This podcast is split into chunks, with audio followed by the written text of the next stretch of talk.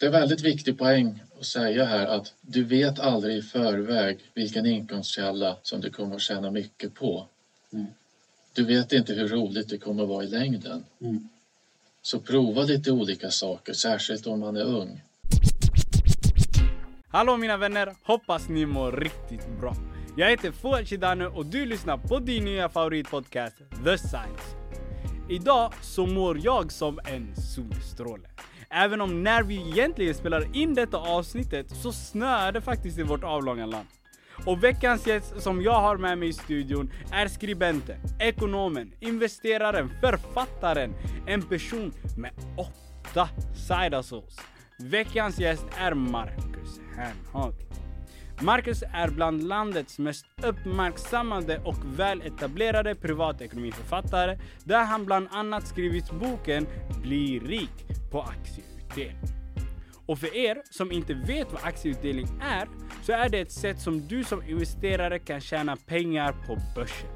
Så i hans avslutslust så går vi igenom exakt hur du kan lägga upp en strategi med aktieutdelning och förhoppningsvis bli lika grym som Marcus.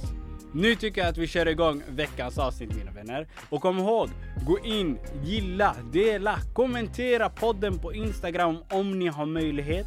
Samt så vill jag även påminna er om att ni fortfarande har möjlighet att stötta vårt behövande ändamål, vilket är att hämta en entreprenörskapstävling till Göteborg och Malmös förorter samt bygga på den som redan finns i Stockholms förorter. Så du kan donera valfritt belopp för att hämta entreprenörskapstävlingen till dessa städer hösten 2021 och du donerar valfritt belopp till 123 204 77 10. Och dina pengar går oavkortat till vårt behövda ändamål. Sådär ja, kära side hustlers och full time hustlers. Nu tycker jag att vi kör igång veckans avsnitt med Marcus Hernhag. Är du redo? Då kör vi igång!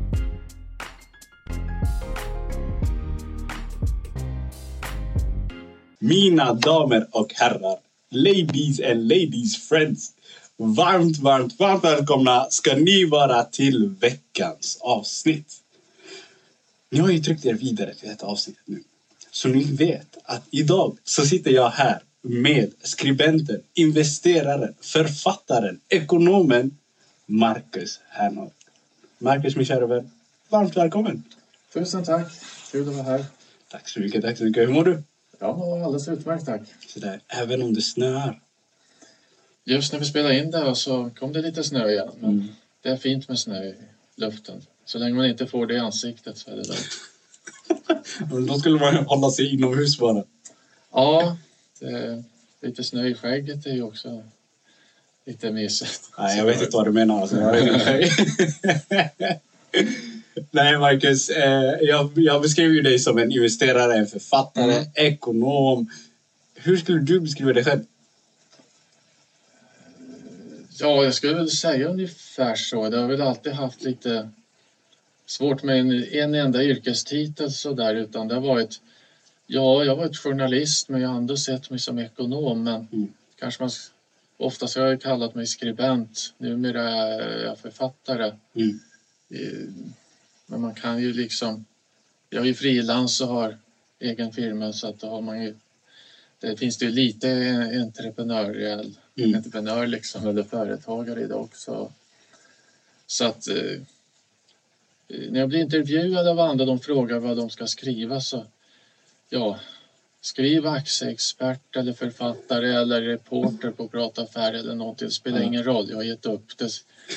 Så länge det är sant så har det, är det inte så viktigt helt enkelt. Utan det är liksom, ja, Har du några titlar som du skulle vilja ha i framtiden?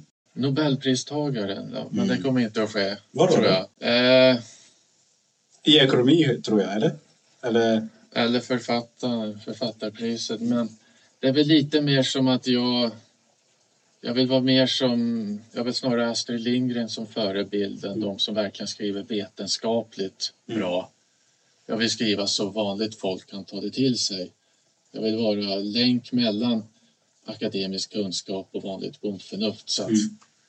eh, liksom privatpersoner kan fatta så man kan hjälpa folk från nybörjare till medelvana till att Mm. hitta sina strategier. Så att inte ens det enklaste författarpris räknar jag med att få. Men Mm. man kan väl hoppas liksom. Ja. Så, Och tills du får Nobelpris i författarskap så måste jag säga så här i alla fall. Dina böcker hjälper ju ändå väldigt, väldigt många människor i detta avlånga land. mm. Och, eh, men var det självaste meningen? Eller var det mer syftet att skapa först en inkomstkälla för dig själv? Eller var det en bit av båda? Eller varför började du skriva ekonomiböcker? Det är väl en gammal pojkdröm att ge ut en bok. Mm. Sen jag hade jobbat som reporter i 15 år och analyserat aktier och sådär så hade jag samlat på mig en hel del kunskap. eh, Skrivit ner en hel del saker. Mm. Eh, Så att eh, tanken började komma på att göra någon form av handbok. Och det tog ett par år men Mm. till slut så fanns det ju ett manus redo. Liksom. Mm. Så att eh, det var nu på den vägen. Jag vet inte, det är det, det är det roligaste som finns egentligen att skriva en bok, att man kan lägga upp innehållet så Mm. pass fritt och strukturerat. Och jag gillar ju ordning och reda. Så där ja. Och eh, den boken i fokus idag är ju din bok eh, Den enkla vägen bli rik på aktieutdelning. Mhm. Ja, min favoritstrategi. Mhm. Den passar just mig, men kanske inte alla. Nej. Det var en snygg bild på boken också. Så där ja. Nej men för din del då, eh, din favoritstrategi. Kan du inte ta och förklara lite grann för de som inte vet. Vad är aktieutdelning? Ehm, köper du in dig i ett bolag, alltså att du köper aktier, då har du ju ägarandelar i bolaget. Mm. Och bolag som tjänar pengar och får pengar över som de inte behöver till investeringar Mm. delar de ju då ut. En aktieutdelning är alltså en överföring från deras bankkonto till din eh, aktiedepå, Mm. investeringssparkonto eller kapitalförsäkring eller någonting. Så att det här är ju ett sätt att enkelt ta hem vinster från börsen. Mm. Eh, Man får kassaflöde regelbundet. Det är inget courtage som det är när man handlar aktier utan det kommer förutsägbart och tryggt. Och det ja, tickar in under natten när man ligger och sover. Så att det sägs att eh, man måste hitta ett sätt att tjäna pengar när man sover annars får man jobba tills man dör. Mm. Och det ligger lite i det. Så att hittar man bara bra bolag som kan höja utdelningen på sikt så är ju mycket vunnet. När känner du eh, vad eh, stunden då du kände att nu, nu tjänar jag verkligen riktiga pengar medan jag sover. Nu, nu är jag rik. Det var någon gång runt eh, 20, ja, mitten av förra decenniet, 2015, 2016 där, Mm. så började jag väl kunna, ja, okej, med, en, med en snål budget och sparsamt leverne kan man liksom börja Mm. leva på aktieutdelningen om man liksom, ja, håller igen. Eh, så det var egentligen då jag kände att okej, men nu är jag till den graden ekonomiskt fri. Säger man grattis då eller? Tack, tack. Sen, eh, ja, det beror ju på vad man har för levern och hur mycket man kostar på sig, var Mm. gränsen går. Så att eh, man kan räkna på saken helt enkelt. Eh, Trumregeln är ju att har du aktier eller annat finansiellt sparande 25 års budgetar, Mm. då ska det räcka i minst 30 år, troligen livet ut. Mm. Eh, Det kanske inte krävs så mycket heller beroende på vad man får för avkastning och vad det är för inflation. Men det, det är väl där ungefär. Så att det låter kanske som väldigt mycket med så många årslöner i besparing. Men Mm. eh, kan man leva någorlunda effektivt med pengarna och se de där små bäckarna av onödiga utgifter och samtidigt investera då och då under lång tid. Mm. Till slut blir det en större utväxling än vad man kan tro i början. Så ju tidigare man börjar desto bättre. Mm. Och eh, om, man, om man då håller aktieutdelning i ena handen och går vidare till andra handen som är eh, hur man blir rik så har du på din hemsida skrivit lite grann om 4% regeln Ja, exakt. 4 procent är en 25 del. Mm. Så därifrån 25 årsbudgetar kommer från tumregel. då. Mm.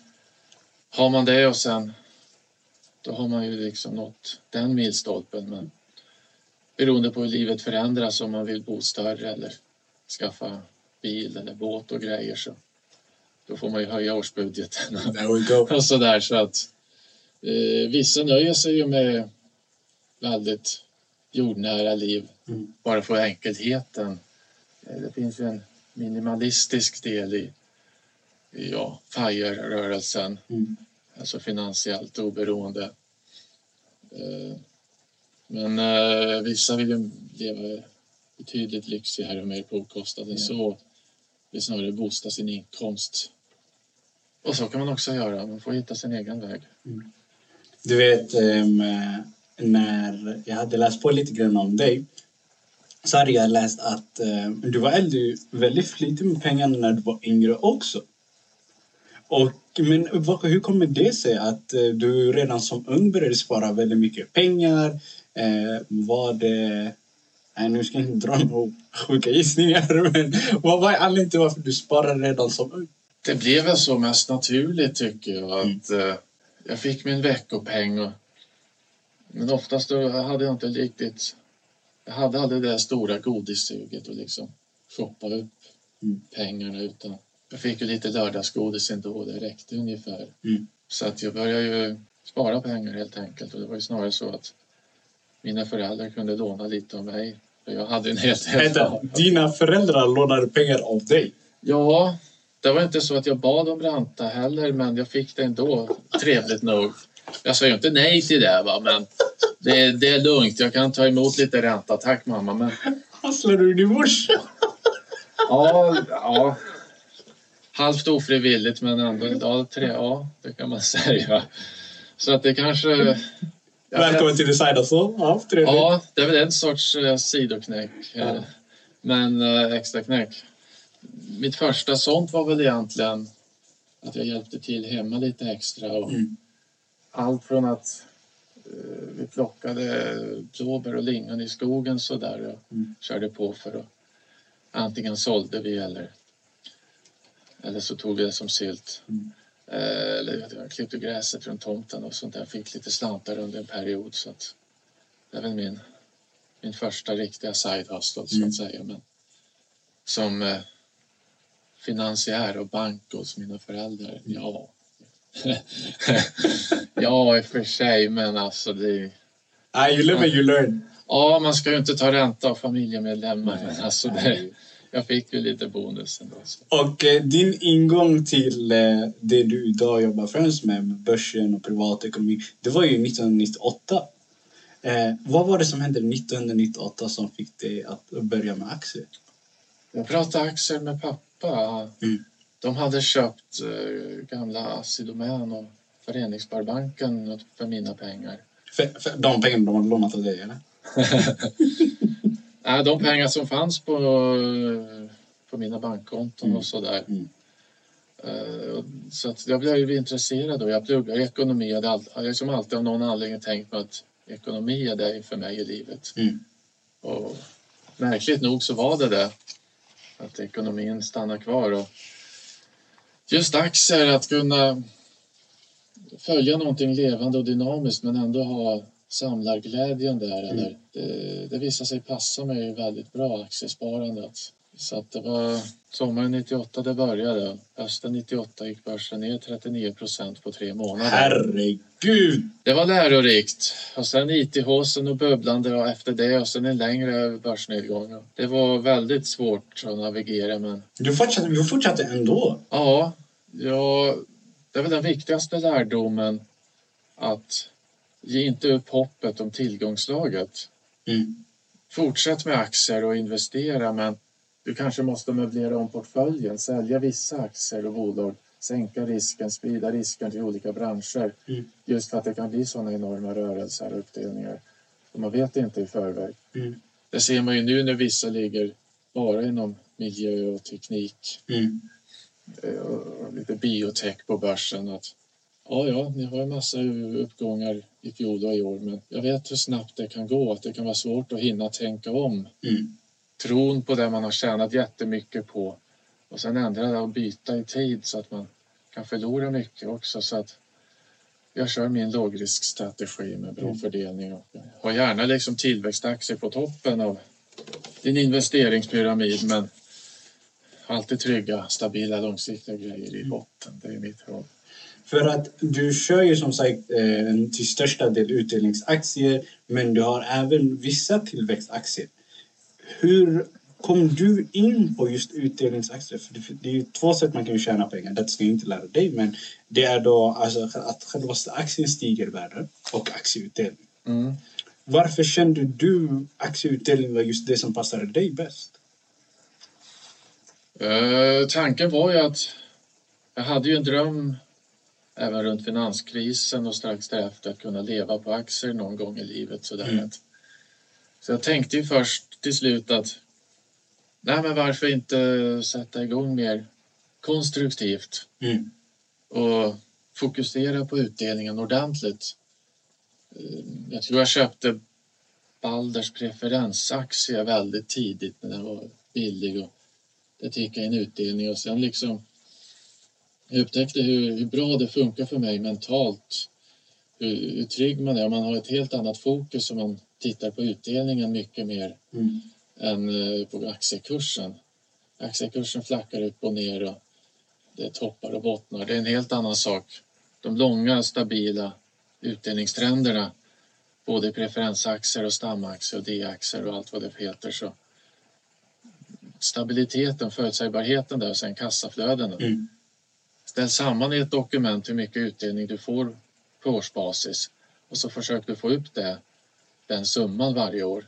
Så du kommer närmare och närmare någonting som täcker en halv månads utgifter, sen kanske en månad Mm. betald med utdelningar om året, vilket då skulle kunna vara, ja har du en månadsbudget på 10-20 tusen så det är det Mm. du behöver i aktieutdelningar. Ja men det betyder i så fall redan där en månads extra semester varje år i resten av ditt liv Mm. och ändå ha kapitalet kvar.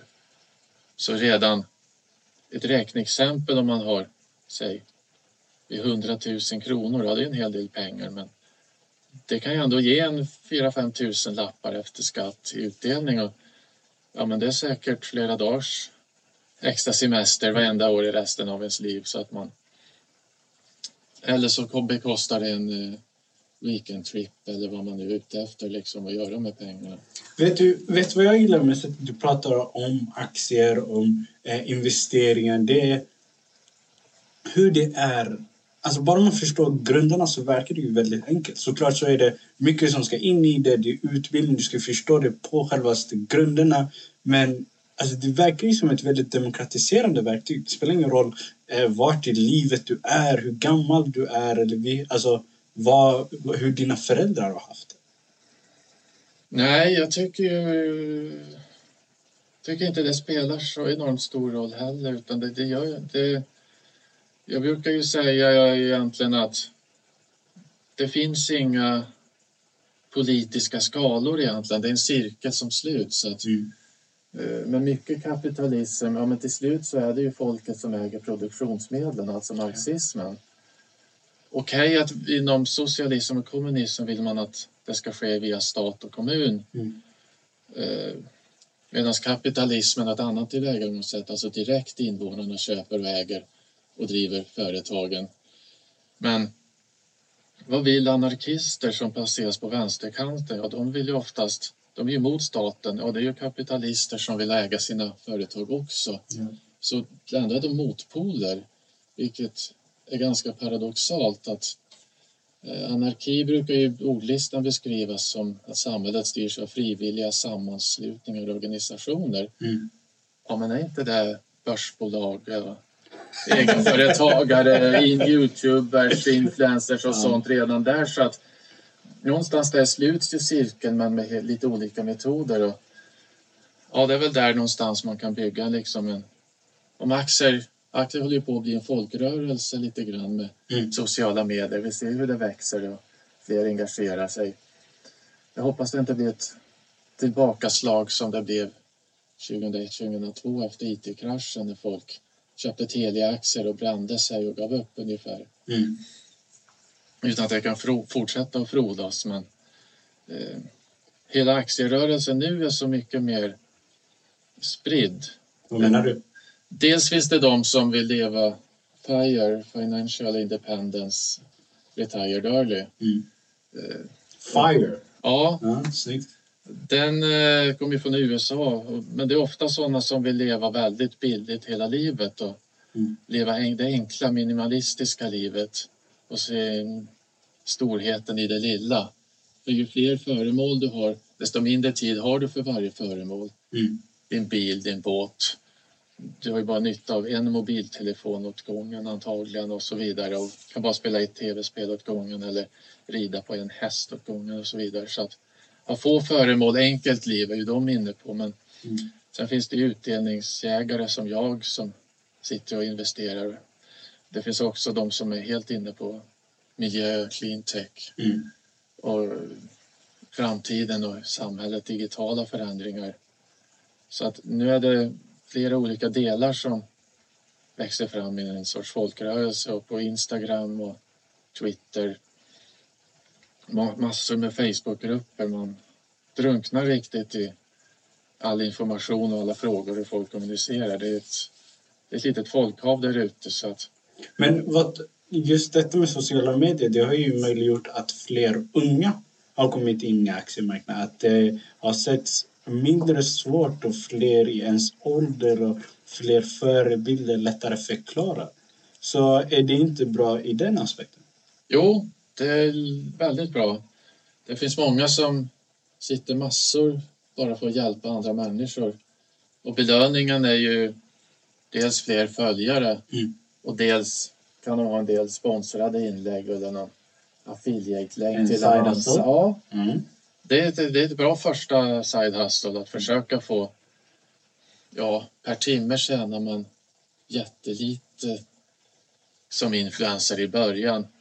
Mm, vissa uppger olika stora inkomstsummor men till exempel eh, fröken Investera på Instagram räkna ut jag tror det var 6 kronor i timmen eller något sånt där. Oj, Men hon satt väldigt många timmar så det var ju ändå liksom det blev en bra slant. Ja, utmärkt extra knäck och växande inkomster och en del större engångsgrejer kanske som fyller på och så Mm. lär man sig, ja, som att vara egenföretagare ungefär fast man börjar i väldigt enkel och liten skala. Mm. Eh, Jag tror det är framgången just med företagande att hålla nere alla fasta kostnaderna. Mm. För sitter man billigt hemma och då kan man lära sig hantverket i tid. Går man direkt på att skaffa kontor och anställda och en massa utgifter direkt och sen okej, var är kunderna? Panik. Det, det låter mycket svårare tycker jag. Mm. Så jag tror även företagandet framöver. Det finns massa unga som vill bli influencers eller mer informationsarbetare Mm. åt varandra eller egna kanaler som en börsnedgång på ett eller två år inte skulle sopa bort. Nej. Så jag tror att nu är folkrörelsen aktiesparande och egenföretagande här för att stanna. Du är ju tacksam för det, då köper man dina böcker.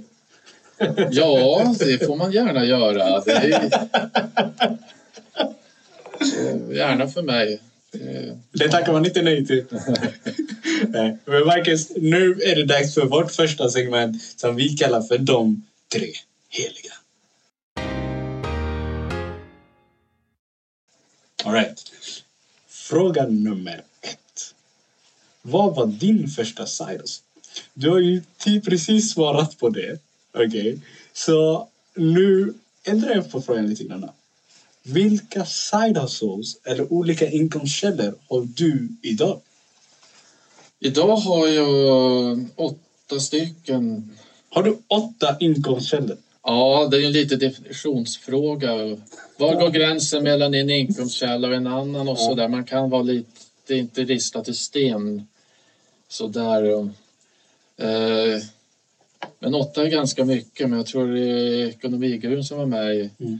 Side Hustle-podden tidigare hade nio. Ja. Jag skymtade att han var uppe i tio nu, men jag får kolla det. Men det, ja, nej, det är ingen prestigeförlust. Nej, nej. Nej, nej, abs- absolut inte. Det ska, Vi ska, vi ska ha tillbaka både det och får ni sitta tillsammans. Ja, det var intressant. Eh, Min första eh, inkomstkälla är ju den uppenbara, artiklar och aktiechatt åt Mm. privata affärer och placeringsguiden. Och så har jag mitt lilla analysblad, Hernhaks utdelare. Mm. Eh, sen min bokförsäljning. Mm. Den... Eh, jag är ju hedrad och tacksam över att folk fortfarande köper mina första böcker. Min andra bok det är ju den om aktieutdelningar som Mm. eh, kom ut 2016. Och, Mm.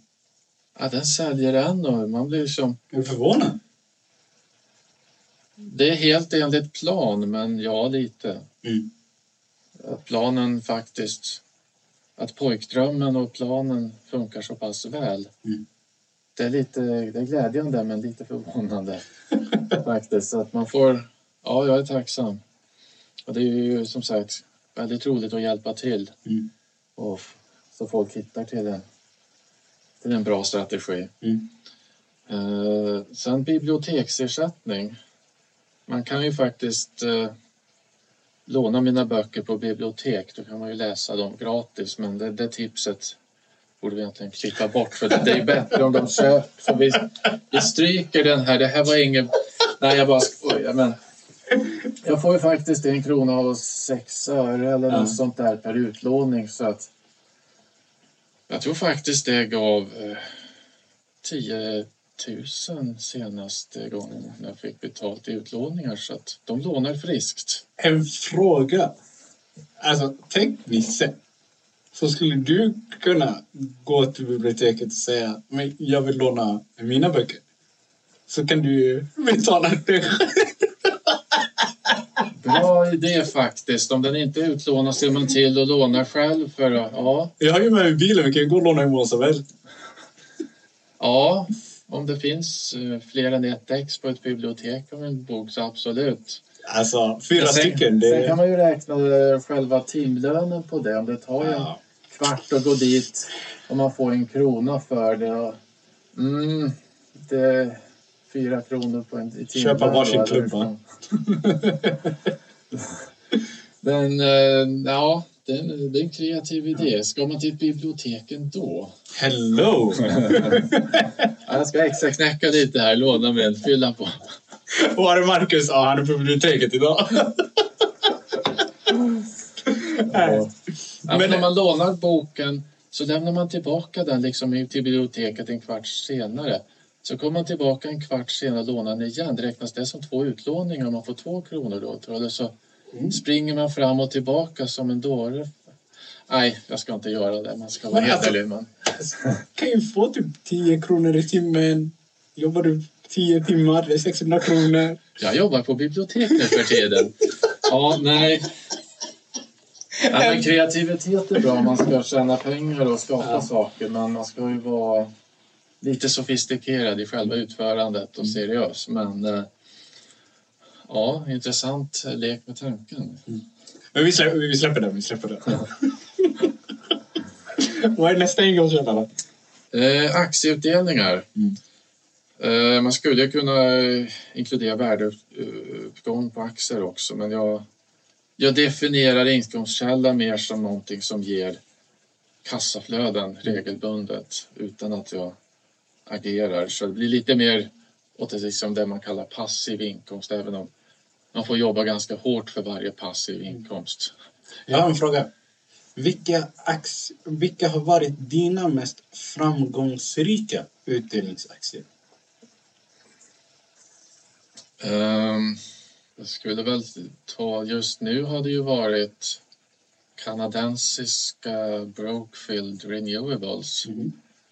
De, eh, ja, grön energi, framförallt i Nordamerika men också globalt. Jag begrep inte varför direktavkastningen var så hög som 7% en gång i tiden jag köpte. Mm.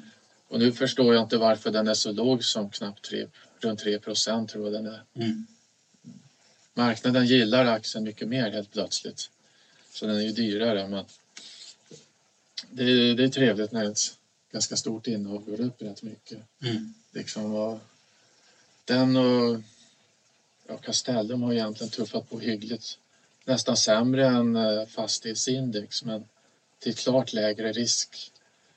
Man ser hur vissa andra fastighetsbolag nu värderas till jag tror Sagax är ju två och en halv gånger sin substans på börsen. Mm. Och de flesta fastighetsbolag är ju runt sin substans. Lite premie eller lite rabatt. Och substans är Det är eh, ja, nettovärdet per aktie, alltså Mm. tillgångar minus skulder. Eh, ungefär som eh, NAV-kursen i aktiefonder, alltså Exakt. fondandelskursen, vad som nettovinster per, per andel eller i bolagssammanhang kallar man det aktie. Mm. Så att eh, det är ungefär, man får ju fundera lite på riskerna och möjligheterna framöver. Och så, men just, eh, Vi kommer komma ja, in i det. exempel. Vi kommer komma in i det lite grann senare i din avslutningslist på hur man eh, ändå kommer igång med utdelningsaktier. Men gällande just utdelningsaktier så finns det ju delade åsikter där några säger att när du får en utdelning så sänks ju själva aktiekursen med eh, oftast lika värde. Mm.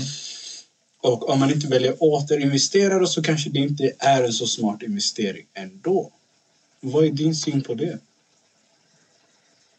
Ja, så i och för sig är det totalavkastningen som ytterst gäller, men utdelningen, den ger dig ju förutsägbara kassaflöden. Och du behöver inte, det är ett bra sätt att ta hem vinster istället för att sälja aktier. För då är det timing som, det här är, utdelningen kommer ändå. Mm. Det är framförallt den mentala effekten, börspsykologin bakom det hela. Mm, fokusera på utdelningar, det, det gör det lite lättare än att fokusera på aktiekursen Mm.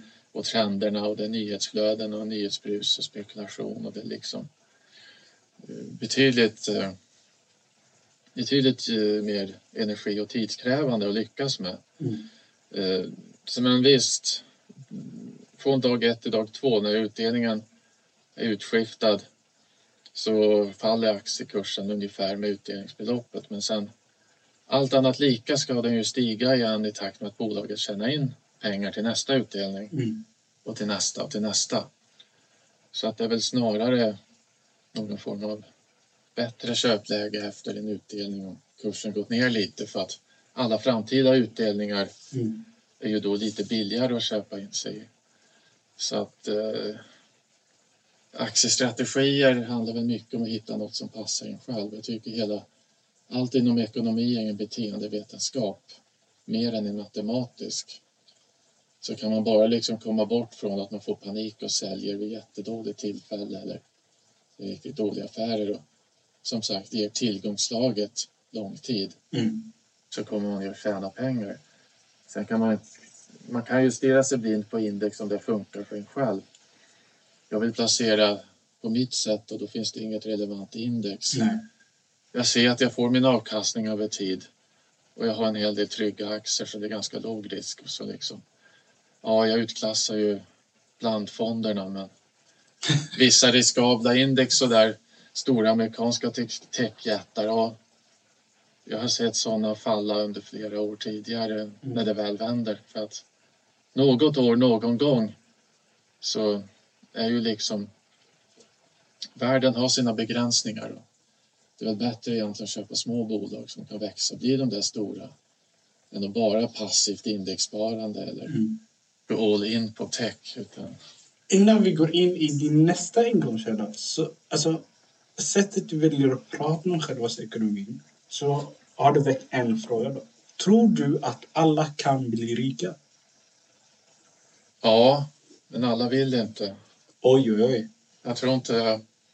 Det kräver mycket tid och mycket disciplin och många människor vill njuta väldigt mycket av nuet. Mm. Och all respekt för det livet. Det är inga problem om man vill spendera allt man tjänar hela tiden.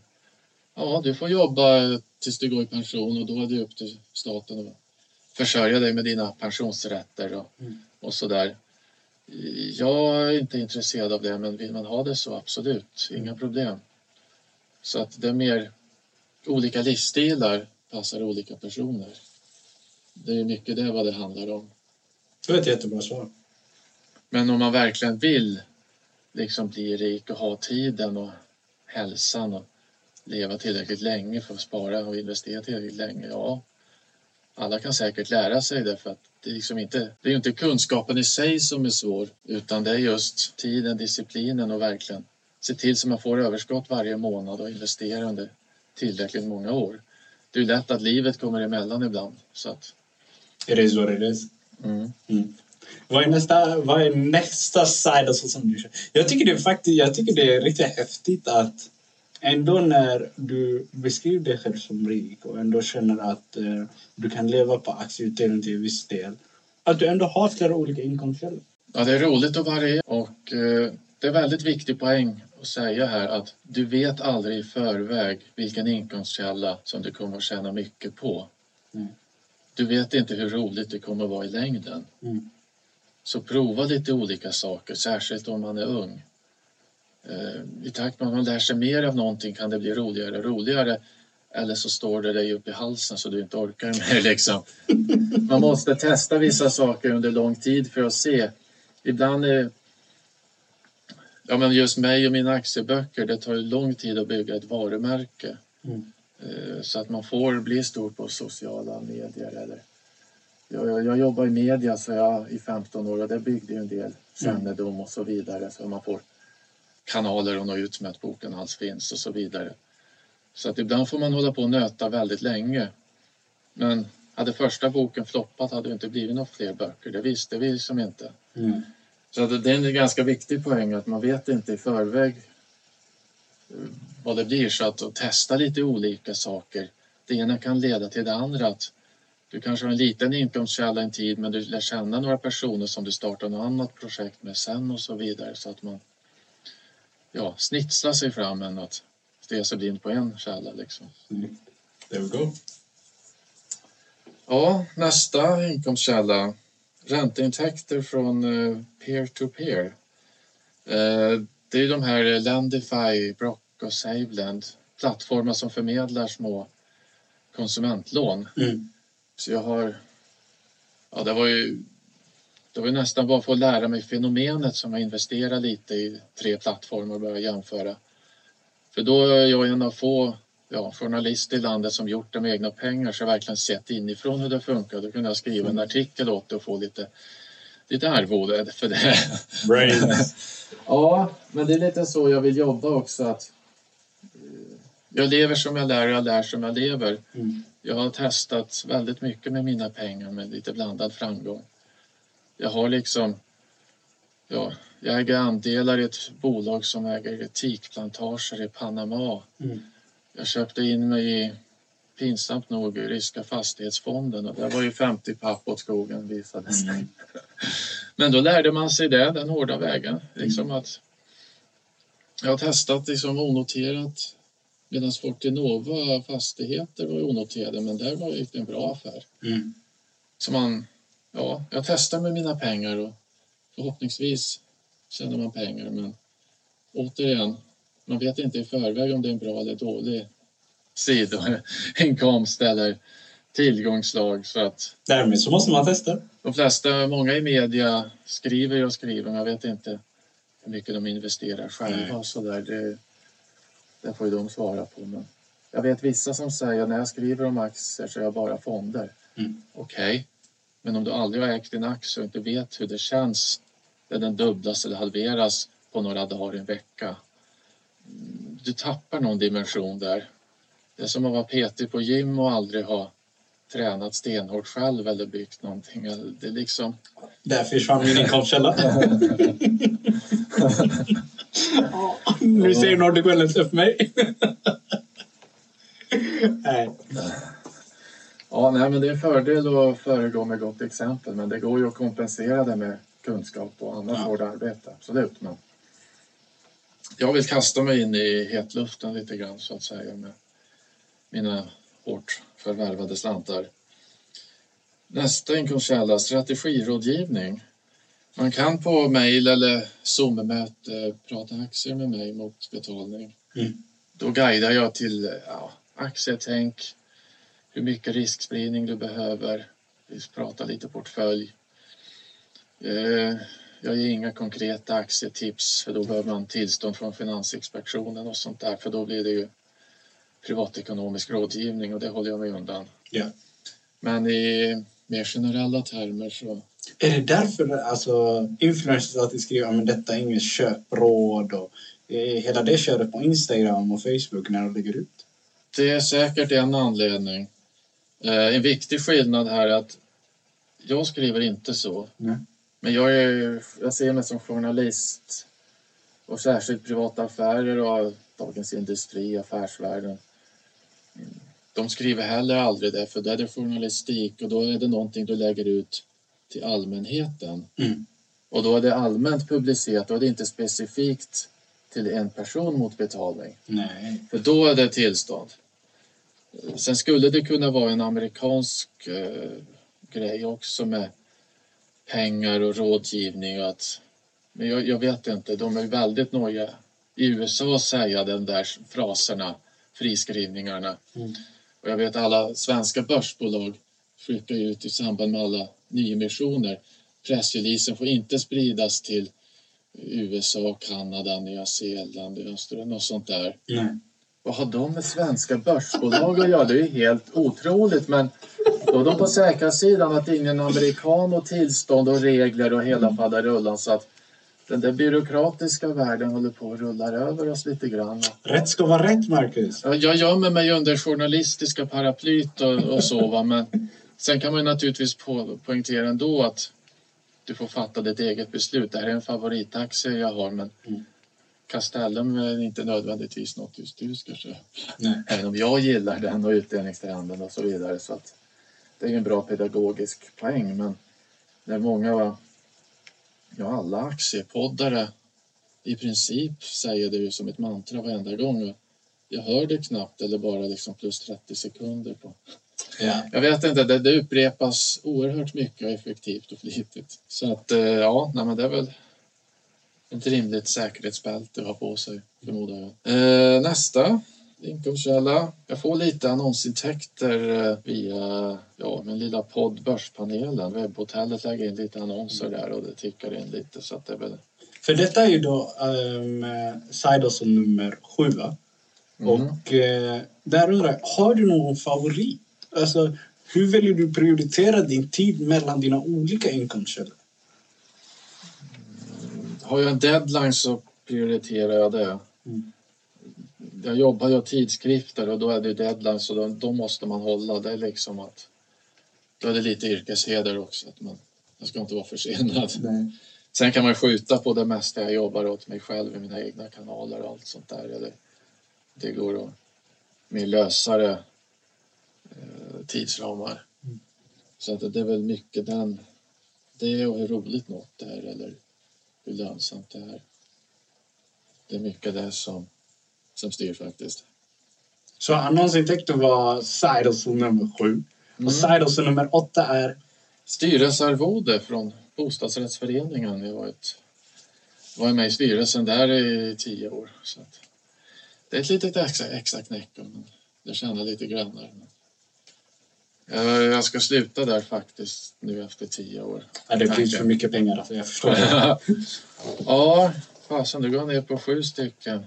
Herregud, vad är Jag vi nu? tappar. Jag tappar. Nej, men, ja, men det är lite så att man ska ha passion och utvecklas men efter ett visst antal år med någonting mm, utvecklas man inte längre utan bara sitter av och gör sitt jobb men då det är trevligt och mm, det är tidsbrist också. Vet du vad jag tycker är intressant med just dina side hustles? Ehm, det blir, du har valt att prioritera utifrån det du tycker är roligt. Alltså, allt ifrån böckerna till annonsintäkterna till skriveriet. Alltså, du har ju kommit in i en- bransch som du tycker är intressant. Och utifrån dina olika kompetenser så har du ju byggt på det. Så alltså, en eloge till dig, Mr Marcus Hammar. Ja, tack, tack. Okej, men nu till fråga nummer två. Vad har varit en av de största motgångarna i ditt liv? Och hur tog du dig vidare? Och innan du svarar, anledningen till varför vi ställer denna frågan det är då för att olika lyssnare är ju som sagt i olika stadier i livet. Mm. Och om man kan lära sig av andras motgångar och deras lärdomar så kanske det förkortar ens väg till framgång. Så jag ställer frågan igen. Vad har varit en av de största motgångarna i ditt liv? Och vad tog du vidare? Hur tog du vidare? Uh, år 2000 flyttade jag till Stockholm. Jag fick ju jobb på Privata Affärer Mm.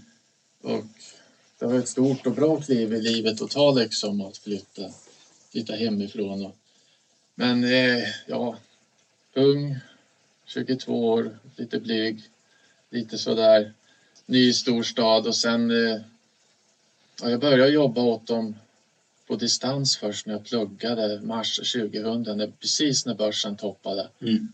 Så flyttade jag på hösten till Stockholm. Eh, och börsen fortsatte ju ner hela tiden. Och jag hade ju köpt aktier för mitt studielån.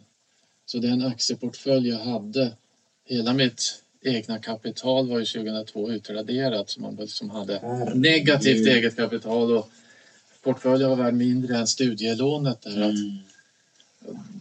det var liksom sådär ung singel, bränt sig på börsen rejält. Men det jag lärde mig det var just det att aldrig ge upp hoppet för att zooma ut, titta på börsgrafen på 100 år.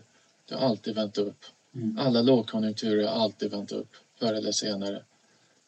Så köper man bara bolag som kommer att överleva och klara sig är någorlunda framtidssäkra så det kommer att återhämta sig till slut. Så man, jag gav inte upp utan bara matade på. Det, det är lärdomen. Och sen har det blivit bättre och bättre i livet liksom på alla plan.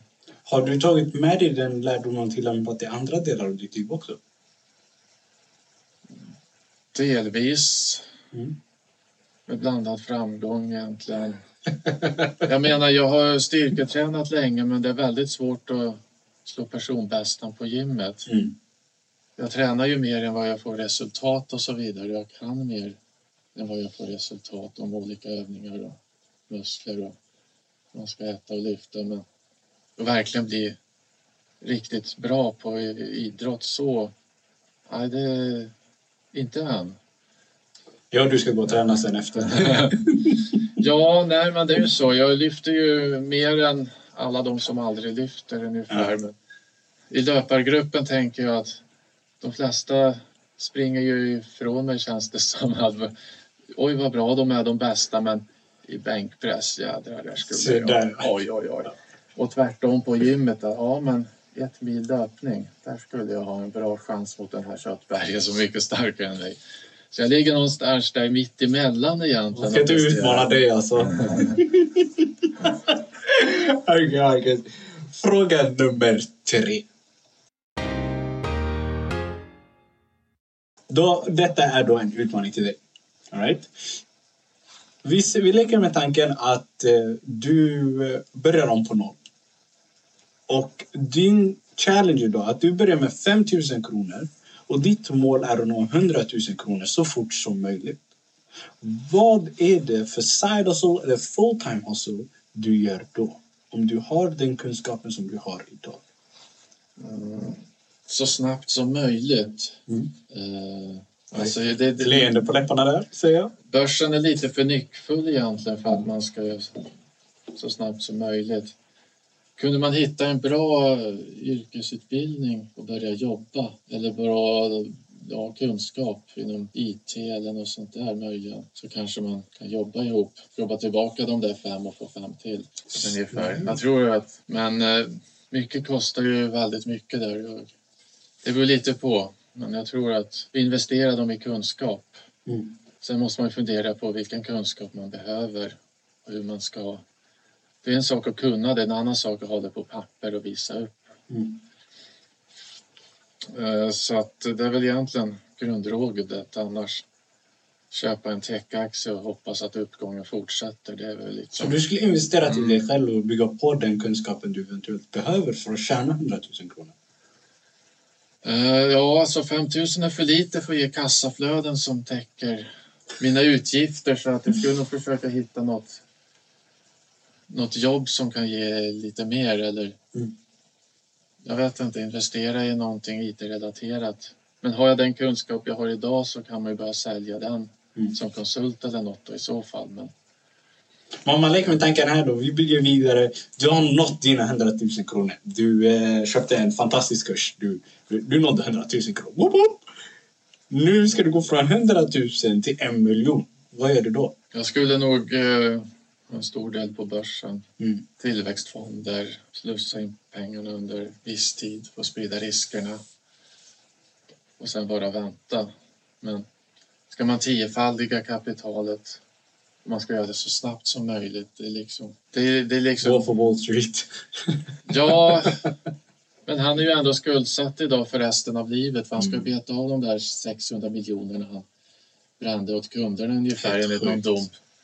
Så att Jordan Belford, han lever väl ett helt hyggligt liv nu men han är väldigt skuldsatt egentligen så nej, man ska aldrig ha bråttom. Om man vill bli rik ska man aldrig ha bråttom. Det är egentligen så att men det är en intressant frågeställning. Hur gör man egentligen för att tjäna mycket pengar på kort tid? Men, um, jag vet inte, jag, jag jobbar inte så. Det, det är för höga risker. De flesta som försöker bara stressar man så kör för snabbt då sladdar man i diket ungefär. Det, Så där ja. Så ditt tips då är helt enkelt man ska köra det långsiktiga spelet och bygga på utifrån de kompetenser man har. Lära sig grunderna och ta det därifrån. ja, Marcus Hernhag, du klarade de tre heliga. Okej, Men nu som sagt tidigare, nu, ska du, nu går vi in i din hustlers list. Och din hustlers list är då fem punkter på hur man kommer igång med aktieutdelning. ja, punkt nummer ett. Shoot! Ha en livsstil som ger eh, överskott av kapital regelbundet. Och så köper man aktier eller aktiefonder regelbundet under många år. Mm. Det, det är någonting som låter väldigt enkelt men problemet är ju som vi var inne på just ha möjligheten att få överskott och även disciplinen att fortsätta i både uppgång och nedgång och, och spara. Men livsstilen är ändå grunden. Att eh, det finns det vetenskapliga studier på från USA. Livsstilarna skiljer sig åt. 85-86 procent av de riktigt rika eller höginkomsttagare i USA de har skapat sina egna förmögenheter. Mm. Och de har en viss livsstil med att de läser mer facklitteratur än titt, slötittar på tv och så vidare. Så att man jobbar med sig själv och sina inkomster och har ett organiserat liksom flitigt liv. Och då är det viktigt att man kan njuta av det så att man hittar roligare, trevligare saker än att bara... Man ska inte må dåligt av resan mot rikedom liksom. Billiga hobbys. Ja, det, det finns de sådana också. Jag ska börja gå, jag ska gå och fiska. Eh, Punkt nummer två. Välj bolag som sällan eller aldrig sänker utdelningen. Mm. Eh, Dividends don't lie, så att säga. Eh, Investmentbolaget Investor har ju sänkt utdelningen två gånger på 15 år. Mm.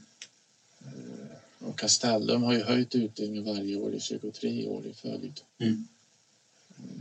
Däremot vet jag inte hur aktierna kommer att gå närmsta tre månaderna, ingen aning. Nej. utgår från att den nuvarande trenden fortsätter. Typ. Men däremot utdelningstrenderna över tid så där är mycket lättare att, att titta på så att man köper in sig i någonting som tjänar pengar i vått och torrt. Var kan man hitta utdelningsaktier? Man får titta hos sin nätmäklare, vissa tidskrifter. Jag har ett par topplistor på hernor.se. Mm. Eh, Det finns lite Börsdata har en bra screener. Egentligen får man ju betala Så det finns flera för- verktyg. Ja, det finns lite olika verktyg och, och sånt där som man får. Det är också ganska viktigt att man hittar rätt informationskällor. Och i, utbudet av information är ju enormt på nätet men hitta det som passar en själv så att Mm. man kan tolka och läsa och ha nytta av, av det man eh, tar till sig. Punkt nummer tre. Man ska inte jaga aktierna med högst direktavkastning delar bolaget ut en utdelning som utgör sig 8% av aktiekursen. En så hög direktavkastning eller högre. Marknaden värderar ju då aktien som att det inte blir några höjningar utan snarare sänkningar. Mm. Så att eh, Är det att de försöker kompensera för något annat kanske? ja, har de inga eget att investera i eller någonstans där om bolaget eh, skulle kunna höja utdelningarna, det är ett bra bolag, Mm. då skulle marknaden värdera det annorlunda. Sen kan marknaden eventuellt ha fel ibland eller ändras över tid. Men det har man sett, så, sett det så många gånger att de högsta direktavkastningarna, man ska vara försiktig där. Det är lågräntemiljö och, men en, eh, mellan 3 och 6,5, 7, Mm. 7 procent ändå är väl kan vara beroende på bolaget relativt tryggt. Så punkt nummer ett var att man ska, ha, man ska spara mer än man spenderar. Ja, livsstil som ger överskott. Nummer två var att hitta bra utdelningsaktier. Mm. Nummer tre var precis som du sa nu att... Eh, oj, Inte för högt eh, direktavkastning Exakt. utan tänka på riskerna. och punkt nummer fyra. Investera gärna i tillväxtaktier. Det finns även, Det är ju en helt annan strategi dock. ja, fast IT-bolag som Hexagon har ändå höjt utdelningen 12 år i följd. Mm. Så det finns ju en del stabila pjäser även där. Eh, Microsoft har en rätt stabil utdelningstrend också. Visa och Mastercard har ju också, framförallt i USA har en del eh, IT-relaterat och Tele2 och Telia är ju verkligen inga långsiktiga kursraketer i Sverige men. Risken är egentligen ganska låg med att äga mobilmaster och kablar i backen för nätet. Det blir ju inte mindre och mindre i ettor och nollor som ska strömma där direkt. Så att det är lite IT och nu Telia är ingen tillväxtaktie på något Mm. vis. Men Men hitta roliga tillväxtaktier. ja, de stabila som tjänar pengar eller ja, går bra helt enkelt. Bolag som bara tjänar ingenting eller bara förlorar, det är hög risk. Mm. Lite för hög för mig i de flesta fall. Men... Ja, punkt nummer fem, den sista. Låt kapitalet arbeta åt dig över tid. Just ge det lång tid. Tjäna pengar när man sover. Det är målet. Tjäna pengar när man sover, det är målet. Uff, det ska jag citera dig på. Mm. Tjäna pengar när man sover, det är målet. Ja, nej, det finns eh, i alla fall Avanza har en sån funktion att jag tror 8.30 klirrar det till i mobilen. Jag får en liten notis där. Då ser jag den aktieutdelning som gått in i någon av depåerna under natten så att säga. Med, Mm. Från en bankdag till en annan. Mm. Så det är lite kul att se vad man tjänat när man legat och sovit. Bokstavligt talat i princip. Och det var din hustlers list. Ja. There we go. Men om, om, om vi säger så här då, nu innan vi avrundar avsnittet. Vad är alltså, en av de största lärdomarna du har fått genom din karriär nu då? Alltså med alla olika grejer du har gjort. Vad är en lärdom du jättegärna skulle vilja förmedla? Alltså, hitta det som är rätt för dig, den aktiestrategi som passar just, just dig. Det kanske tar år att hitta rätt strategi eller strategier och hitta rätt inkomstkällor. Mm. Men prova lite försiktigt för att man måste liksom lära sig livet. Provar man någonting, ångrar sig ordentligt, ja men då vet du det i resten av ditt liv att just det där inte var något för dig Mm. under de förutsättningarna. Det är en bra kunskap att ha med sig. Så att man får testa sig fram i livet. Det är liksom det är, det är väl det, hitta allt är egentligen ditt mindset och ditt beteende i nästan alla områden. Är man optimistiskt lagd så kommer du att få ett bättre liv och större förutsättningar. Man tror att nu ska börsen snart krascha eller nu kommer samhället att kollapsa eller nu kommer den här pandemin och liksom man ser ibland i varje sån där kris att oj, nu är det slut på riktigt. Mm. Ja, det var inte slut i finanskrisen 2008 heller. Det är inte slut nu i den här pandemin på allt bra i samhället utan det är bättre att vara optimist faktiskt. Bättre att vara optimist. Mm. Marcus Hernhag, tack så hemskt mycket för idag. Tack själv. Kära side hustlers och full-time hustlers. Ni har lyssnat på The Side Hustle med mig, Fouad Shedane. Teamet består av Ottilia Tuneroth, Beatrice Ha och Heidi Botic. Originalmusiken gjord av Kevin Rastenberger. Tillsammans med er lyssnare ska vi samla ihop en miljon kronor till förorten. En entreprenörskapstävling som vi ska ta till Göteborg och Malmös förorter. Vill du ha mer information gå in på www.thesidehustle.se eller besök The Side Hustle Sverige på våra sociala medier. Until next time, ha det så bra!